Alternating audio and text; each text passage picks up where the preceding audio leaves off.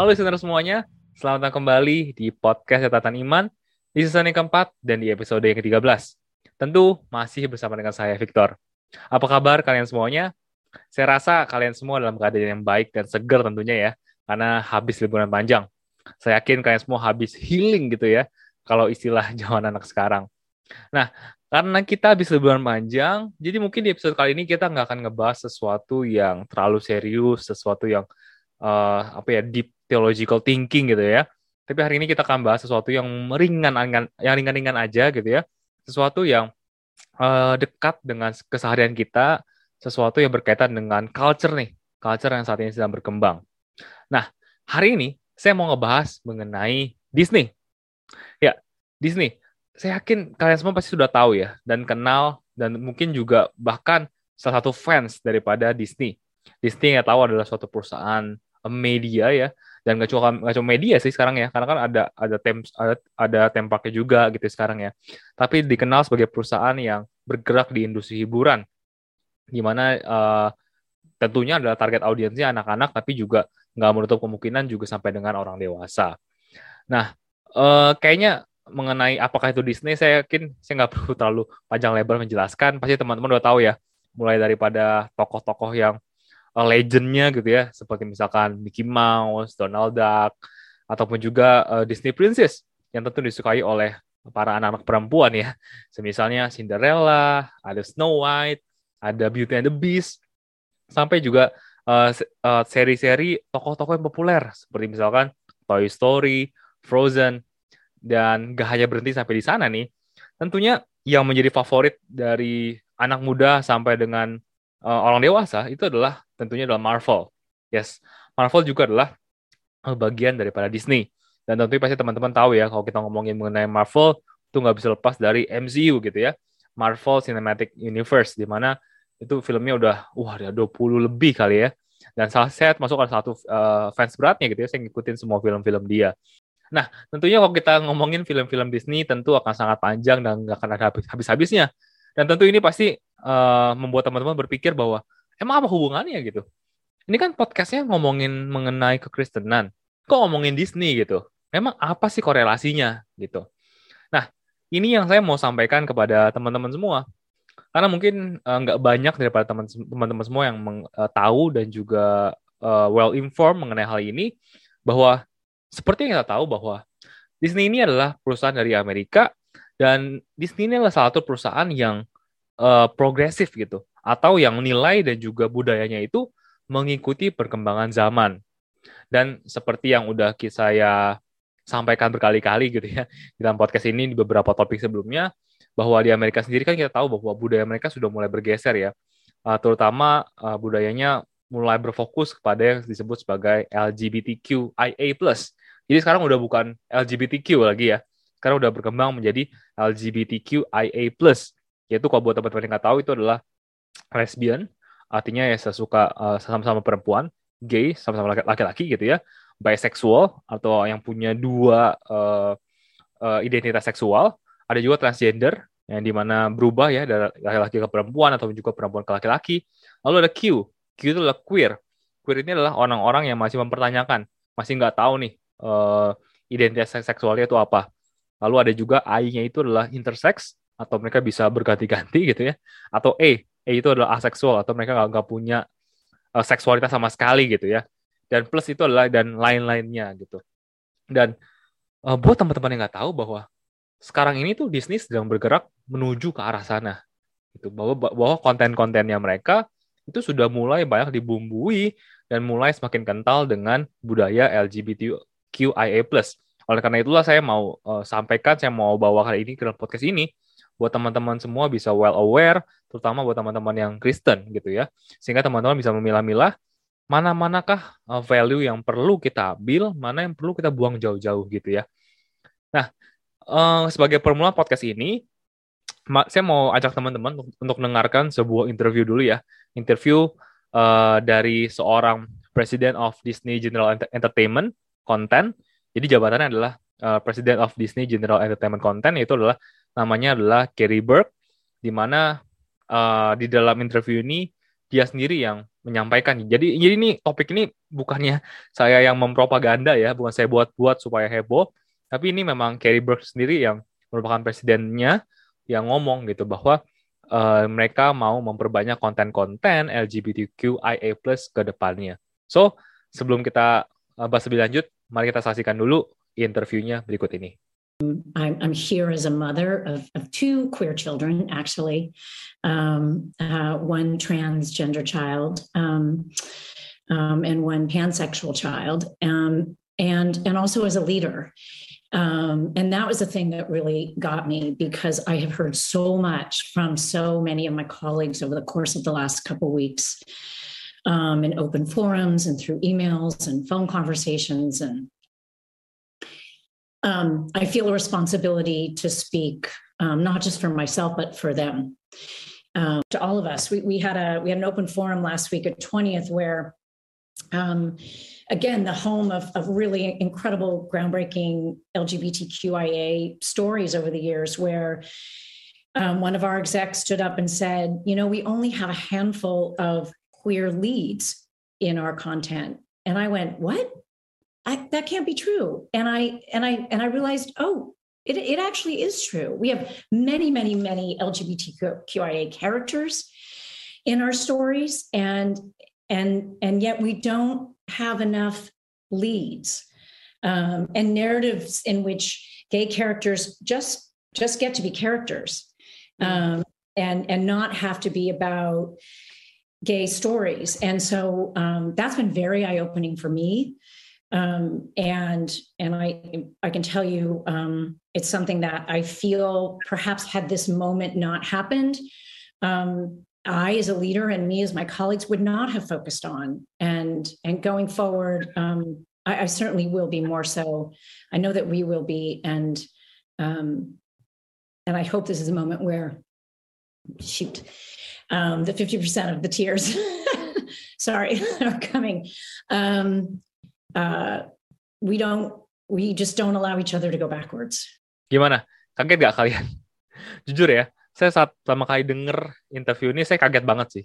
Gitu, saya shock banget karena uh, presidennya daripada uh, Disney ini sangat belak-belakan bilang bahwa selama ini tuh sudah banyak karakter-karakter LGBTQIA+ yang yang ada di dalam film-filmnya ataupun juga konten-konten Disney.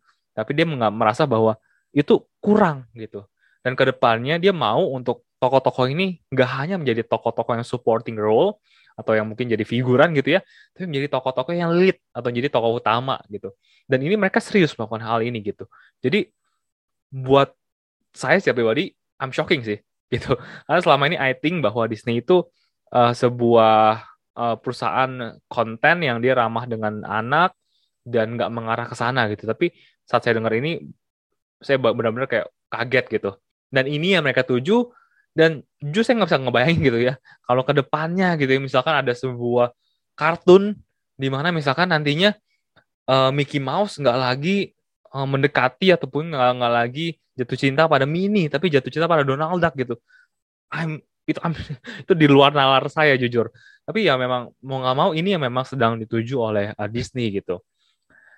Nah tapi mungkin saat saya um, mau ngebahas hal ini ataupun juga saya sampaikan pada hal ini, mungkin ada teman-teman ataupun juga ada di terlintas dalam pikiran teman-teman yang, yang berpikiran bahwa ah tapi gue selama ini nonton film Disney fine fine aja kok. Gue nggak merasakan seperti itu. Gue nggak merasa bahwa Disney sedang uh, menjerumuskan ataupun juga memperkenalkan budaya LGBTQIA+ kok gitu ya. Nah menurut saya ya boleh-boleh aja gitu. I think it's fine buat teman-teman semua punya pendapat yang seperti itu gitu dan kalau saya boleh menebak, kalau, kalau saya boleh menerka-nerka, alasannya adalah mungkin ya. Pertama adalah karena teman-teman semua sudah dewasa gitu. Teman-teman semua sudah dewasa, teman-teman semua sudah bisa memilah mana positif yang bisa teman-teman ambil dan mana negatif yang bisa teman-teman buang gitu ya. Dari tokoh-tokoh ataupun juga adegan-adegan yang mungkin ada kaitannya dengan LGBTQ LGBTQIA+. Nah, tapi pertanyaannya, apakah teman-teman yakin kalau yang nonton itu bukan cuma teman-teman, tapi ada anaknya teman-teman, ada sepupunya teman-teman, atau atau ada keponakan teman-teman. Bisakah mereka memiliki pemikiran sama seperti teman-teman? Nah, ini yang jadi pertanyaan bukan? Nah, uh, alasan kedua nih, kalau yang saya terka-terka adalah karena mungkin teman-teman itu nggak sadar gitu. Teman-teman selama ini nonton film Disney, teman-teman nggak sadar bahwa ada bumbu-bumbu, ada adegan-adegan, ataupun ada tokoh-tokoh LGBTQIA+, yang sudah disematkan ataupun juga yang sudah disisipkan di dalam film-film Disney gitu. Nah, biar supaya saya kesannya nggak ini ya, kesannya nggak menuduh doang gitu ya, kesannya saya nggak uh, propaganda gitu ya, mungkin saya akan menunjukkan beberapa bukti-bukti gitu ya beberapa bukti-bukti adegan-adegan dari dari film-film uh, Disney yang memang ada elemen-elemen LGBTQ LGBTQIA plusnya. Sorry ya guys kalau beribet, itu panjang bet gitu ya. Nah ini mungkin teman-teman ada yang sadar, mungkin teman-teman juga nggak sadar gitu ya. Oke, uh, bukti yang pertama nih. Nah buat teman-teman yang uh, suka menanti-nanti film Disney, pasti teman-teman akan menyadari bahwa dalam beberapa waktu lagi ya, kok nggak salah I think bulan ini ataupun bulan depan ya akan ada film yang judulnya adalah Lightyear. Lightyear ini adalah sebuah film yang merupakan uh, film khusus gitu ya dari tokoh yang kita kenal di Toy Story. Kan kalau teman-teman nonton Toy Story ada sebuah mainan tuh yang bentuknya astronot yang namanya adalah Buzz Lightyear kan. Nah ini adalah film solonya mengenai uh, Buzz Lightyear gitu. Dan uh, diberitakan bahwa di dalam film ini akan ada uh, gay kiss atau ada adegan di mana pria dan pria dan itu berciuman gitu. Dan ini apa ya? Mungkin coba ya, coba teman-teman uh, berpikir sama-sama sama saya ya, gitu ya, sejenak. Kira-kira nih, apa sih hubungannya atau korelasinya atau bahkan relevansinya adegan gay kiss dengan film Buzz Lightyear gitu? Memangnya kalau nggak ada adegan ini, film ini ujungnya bakal berubah gitu. Kalau nggak ada adegan gay kiss ini, Buzz Lightyear-nya jadi kurang keren gitu. Kan enggak juga kan gitu. So ini membuat membuat saya bertanya-tanya gitu. Kenapa sih Disney harus menyisipkan adegan gay kiss ini dalam sebuah film anak-anak seperti Light, apa uh, Buzz Lightyear gitu. Sudah pasti tujuannya adalah karena Disney ingin memperkenalkan budaya LGBTQIA+ kepada anak-anak mulai dari dini. Nah, ini mungkin adalah salah satu bukti yang uh, mungkin belum bisa kita tonton sekarang tapi uh, yang akan datang nih yang soon akan uh, launching di bioskop-bioskop gitu. Dan saat ini pun ini masih pertentangan sih gitu di, di mana-mana gitu karena ada yang menuntut supaya adegan yang dihilangkan dan ada dan Disney sendiri tidak mau menghilangkan dan segala macam. And we'll see gimana akhirnya apakah adegan ini ada atau nggak ada. Tapi yang pasti kalau masuk ke Indonesia pasti udah di-cut gitu ya. Nah, bukti berikutnya adalah film yang lagi hot nih. Film yang baru launching minggu kemarin mungkin teman-teman semua sebagian udah pada nonton ya. Kalau saya sih belum gitu ya. Adalah film uh, Doctor Strange in the Multiverse of Madness gitu ya. Nah, di dalam film ini ada sebuah tokoh baru, tokoh wanita baru yang diperkenalkan itu adalah yang diberi nama America Chavez gitu ya. Dan dikisahkan bahwa America Chavez ini adalah tokoh superhero yang lesbian dan uh, ini saya mendengar di berita ya, karena saya juga belum nonton bahwa di dalam filmnya itu ada uh, merefer bahwa si, si Amerika Chavez ini memiliki dua ibu atau have two mothers gitu. Yang which is ini mengindikasikan bahwa uh, orang tuanya adalah lesbian gitu. Nah ini adalah bukti yang kedua. Bukti yang ketiga, buat teman-teman semua yang udah nonton Eternals, sudah belum? Kalau saya sih udah ya. Harusnya kalau kalian nonton Eternals sudah sadar banget karena ini udah belak-belakan banget gitu ya. Bahwa uh, di dalam salah satu di, uh, di dalam film ini kan ada banyak superhero tuh ada Eternals ada 9 atau berapa ya kalau nggak salah. Salah satunya kan ada yang namanya Pastos kan. Nah, Pastos ini uh, adalah seorang pria yang dikisahkan menikah juga dengan pria dari bumi yang bernama Ben gitu dan dikabar dan di uh, di film itu diceritakan mereka memiliki seorang anak laki-laki dan bahkan di film ini pun ada adegan di mana Pastos dan Ben ini berciuman gitu. Dan sekali lagi, come on gitu. Apa sih hubungannya gitu? Apa sih hubungannya ataupun apa sih korelasinya gitu ya antara pria dan pria berciuman dengan superhero menyelamatkan dunia gitu. Ini kan nggak ada koneksinya gitu ya. Tapi sekali lagi gitu, ini adalah bentuk uh, Disney ingin memperkenalkan budaya LGBTQIA+ uh, ke anak-anak gitu. Bukan hanya di Amerika tapi ke seluruh dunia. Karena kita tahu bahwa uh, film-film MCU itu fansnya udah all over world gitu ya, udah udah di seluruh dunia gitu. Uh, masih kurang? Saya kasih lagi ya ada yang udah nonton Loki loh, uh, Loki yang series ya, yang ada di Disney Plus. Nah, kalau teman-teman nonton dan teman-teman aware, itu di dalam satu adegannya di mana ceritakan waktu itu kok nggak salah ya, itu si Sylvie, Sylvie itu adalah uh, ceritanya adalah Thor di uh, dunia yang lain gitu ya, yang yang uh, tapi perempuan gitu. Nah di bar itu ceritanya si Sylvie itu lagi ngobrol sama Loki dan lagi nanyain ke Loki mengenai uh, past romance-nya ataupun juga masa lalu romantisnya lah ya, mantan-mantannya gitu ya. Dan percakapannya kurang lebih seperti ini nih. Uh, si Sylvie nanya sama Loki, "How about you? Uh, must be would be princesses or perhaps another prince?" gitu. Dan Loki ngejawab, "A bit of both. I suspect the same as you." Gitu. Jadi mungkin kalau saya artikan, nah si Sylvie ini nanya sama Loki gitu ya, "Bagaimana dengan lo? Pasti itu adalah seorang uh, putri-putri bukan? Atau mungkin seorang pangeran?" dia bilang gitu kan. Lalu si Loki menjawab bahwa ya sedikit keduanya gitu. Nah, jadi di sini uh, Loki udah udah me, apa ya memberikan sinyal bahwa mungkin ia juga adalah uh, biseksual gitu. Dia bisa ke laki-laki dan bisa, bisa dan bisa ke perempuan. Jadi once again sebuah uh, budaya LGBTQ yang di, yang disisipkan oleh Disney. Lalu nggak masih masih kurang karena ada lagi ada lagi. Nah ini adalah film yang di luar Marvel gitu ya. Kalau kan film Marvel semua. Nah teman-teman udah nonton belum film Beauty and the Beast yang versi live live animation live actionnya gitu ya? Yang kalau nggak salah si apa beauty-nya dimainkan oleh Emma Watson itu. Nah, kalau teman-teman nonton, itu kan di penghujung filmnya, teman-teman akan melihat bahwa ada anak buahnya eh, Gaston gitu ya, yang namanya adalah yang namanya Levo, itu dia uh, menyukai si Gaston gitu. Dan di akhir filmnya mereka sempat uh, berdansa, sempat sekilas dong sih berdansa bersama-sama gitu. Nah, Nah, tapi mungkin teman-teman bisa bilang sama saya nih, ah itu mah bisa anu aja Tor gitu, itu mah belum tentu kali, kok cuma dansa gitu kan biasa, nggak nggak berarti itu adalah sebuah adegan yang uh, menyeratkan LGBTQ kali gitu ya. Nah, silakan teman-teman Google, silakan teman-teman cek interview dengan direkturnya Beauty, of, Beauty and the Beast yang namanya adalah Bill Condon, yang juga adalah seorang gay. Saat dia diwawancarai terkait dengan scene ini, scene antara Gaston dan Levo, uh, direkturnya berkata seperti ini. It is a nice, exclusively gay moment in a Disney movie. Wow. Saya ulangi sekali lagi ya. It is a nice, exclusively gay moment in a Disney movie. Gitu. Jadi, uh, ini udah, ini bukannya ketidaksengajaan gitu ya, tapi benar-benar memang disengaja diciptakan sebuah momen untuk menyeratkan ada ada uh, momen antara pria dan pria di situ gitu. Nah, dan berita yang mengejutkan lagi buat saya terutama adalah ini tuh nggak hanya berhenti di film gitu ya. Jadi budaya LGBTQIA+ ini nggak hanya diterapkan di film, tapi di semua aspek daripada Disney, termasuk di theme park-nya gitu ya, termasuk di Disney World, termasuk di Disney Sea. Maksudnya apa?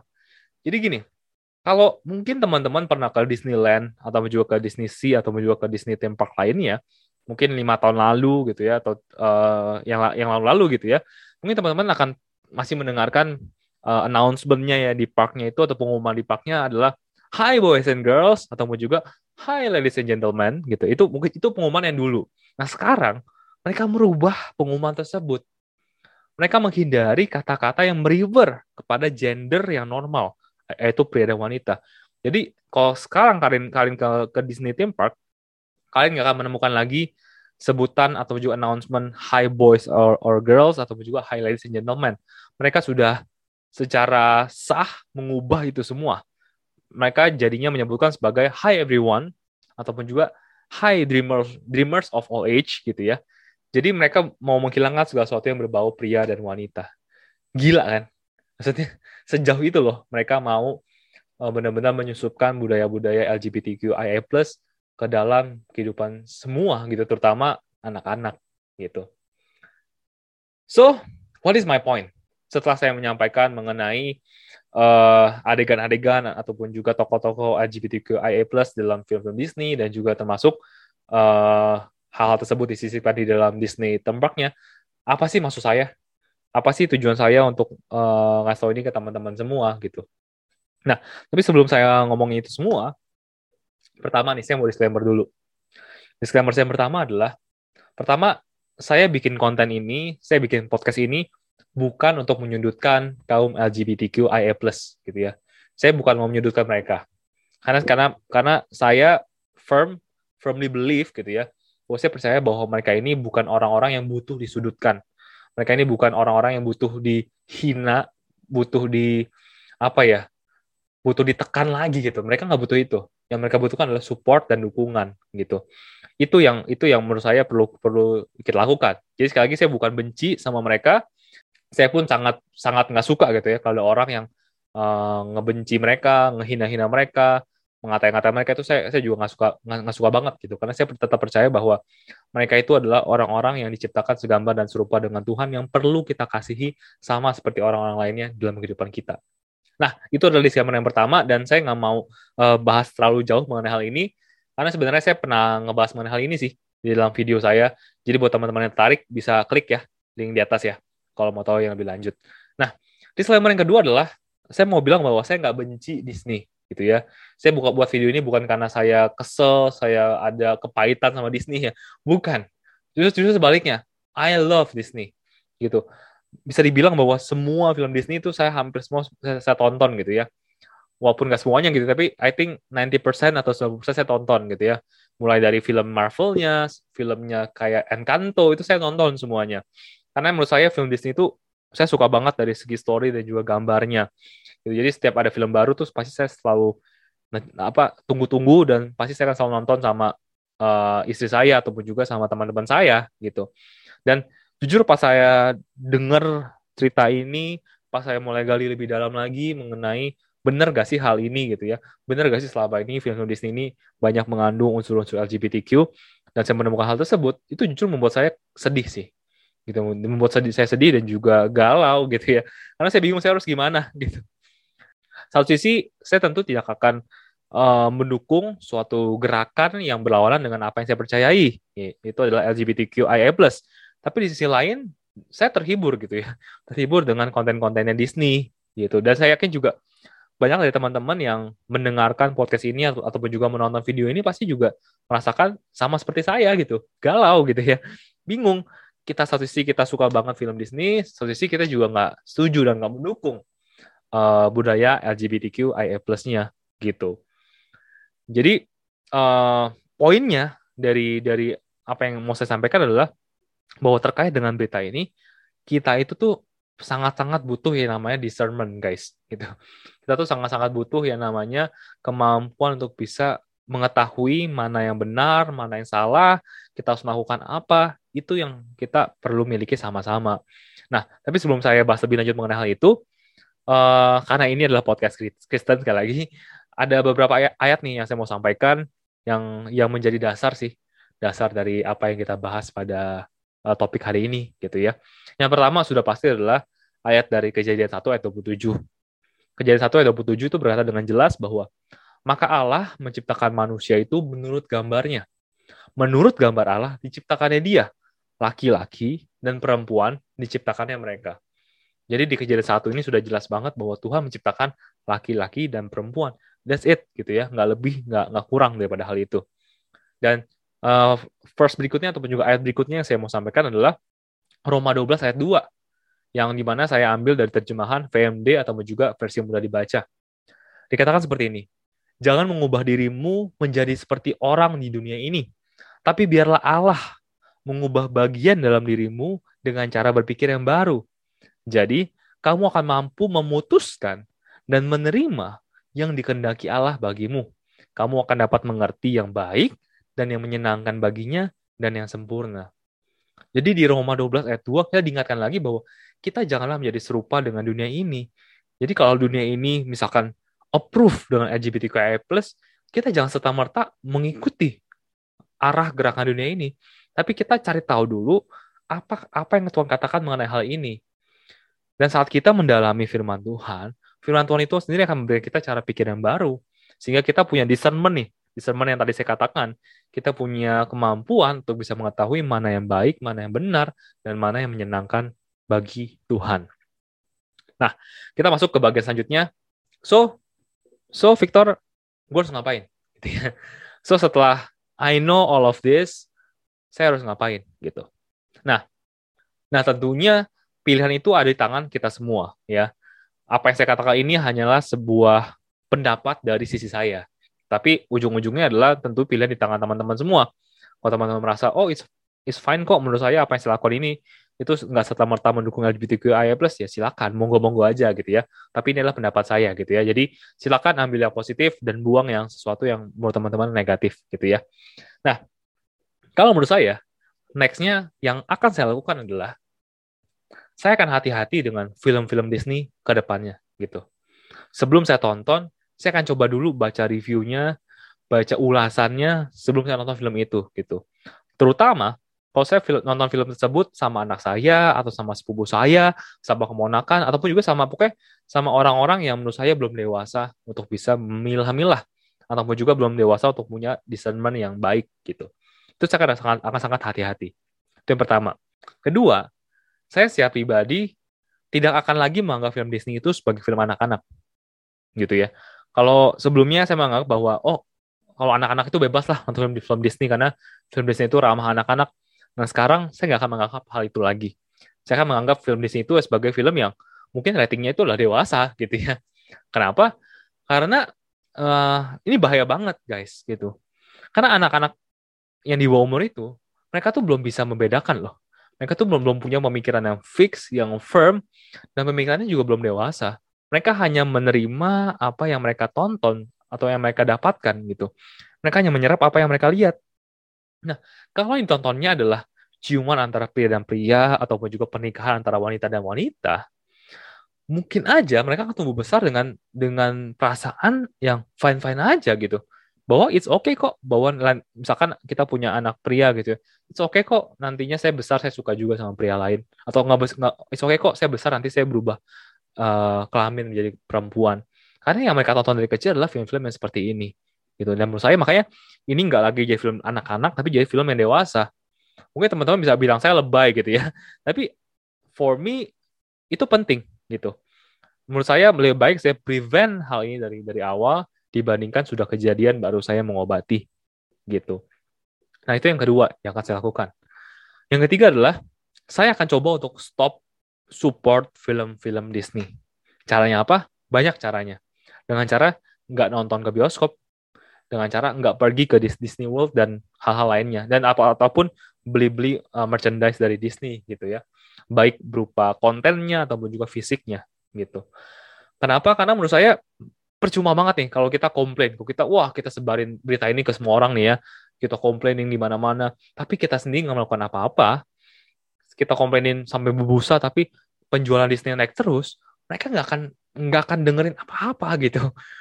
Mereka akan melihat bahwa oh keuntungan gue dan pendapatan gue fine fine aja kok gitu. Malah meningkat terus gitu ya. Jadi buat apa gue merubah arah perusahaan gue barangkali justru dengan gue mengikuti budaya LGBTQIA+ ini adalah suatu langkah yang tepat karena buktinya pendapatan naik terus kok penjualan naik terus kok gitu nah inilah yang yang menurut saya perlu kita lakukan adalah kalau kita nggak setuju dengan suatu brand dengan suatu perusahaan ya kita stop support perusahaan tersebut gitu dan harapannya adalah dengan banyak yang melakukan hal ini, maka penjualan dan pendapatan Disney menurun gitu. Dan tujuan kita bukan buat mereka bangkrut ya, sekali lagi ya. Karena kita nggak ada nggak ada kebencian sama Disney. Tapi yang kita mau adalah mereka sadar bahwa arah perusahaan mereka itu sudah salah gitu. Dan I know doing this is not easy gitu ya. Apalagi buat teman-teman yang udah uh, terhibur dengan konten-konten Disney selama puluhan tahun seperti saya, saya nonton Marvel Cinematic Universe itu dari dari awal gitu ya dari dari cerita Iron Man 1 gitu ya sampai Avenger sampai dengan sekarang itu udah puluhan film yang saya tonton dan saya juga termasuk die hard fans gitu ya. Dan saya juga apa ya susah banget ju jujur ya untuk uh, nggak nonton film-filmnya Marvel lagi. Tapi ya I try to do to do this gitu. Karena saya nggak mau menyepelekan sebuah problem yang saya lihat gitu. Karena saya percaya bahwa this problem, this issue is bigger than my entertainment gitu. Bahwa isu ini tuh nggak lebih itu isu ini tuh lebih besar daripada sekedar kepuasan saya secara pribadi gitu. Karena ini menurut saya uh, menyangkut juga the future of entertainment of our kids gitu. Bahwa ini melibatkan hiburan masa depan buat anak saya. Kalau saya support ini sekarang, maka saya seperti sedang menyiram sebuah benih yang nantinya buahnya akan dirasakan oleh anak-anak saya gitu ataupun juga generasi-generasi berikutnya dan saya nggak mau hal itu terjadi gitu makanya uh, seberapa berat pun saya coba untuk stop. Makanya saya belum nonton tuh Doctor Strange ya yang baru. Saya walaupun penasaran banget ya lihat lihat trailernya tapi saya demi hal ini saya nggak nonton gitu. Saya saya stop nonton. Saya coba stop untuk nonton Disney gitu. Bahkan saya sempat dengar pun uh, di luar negeri ada so, sebuah uh, pendeta gitu ya. Dia pun tadinya sudah punya plan sama dengan keluarganya untuk liburan di Disney World, mereka batalkan gitu. Karena apa? Karena mendengar isu-isu seperti ini gitu. Oleh karena itu, menurut saya kita sebagai orang Kristen harus stand firm juga ya. Harus stand firm, harus bisa melihat secara dewasa, melihat yang jauh lebih besar daripada sekedar kepuasan ataupun juga uh, kenikmatan kita gitu ya dalam menikmati konten.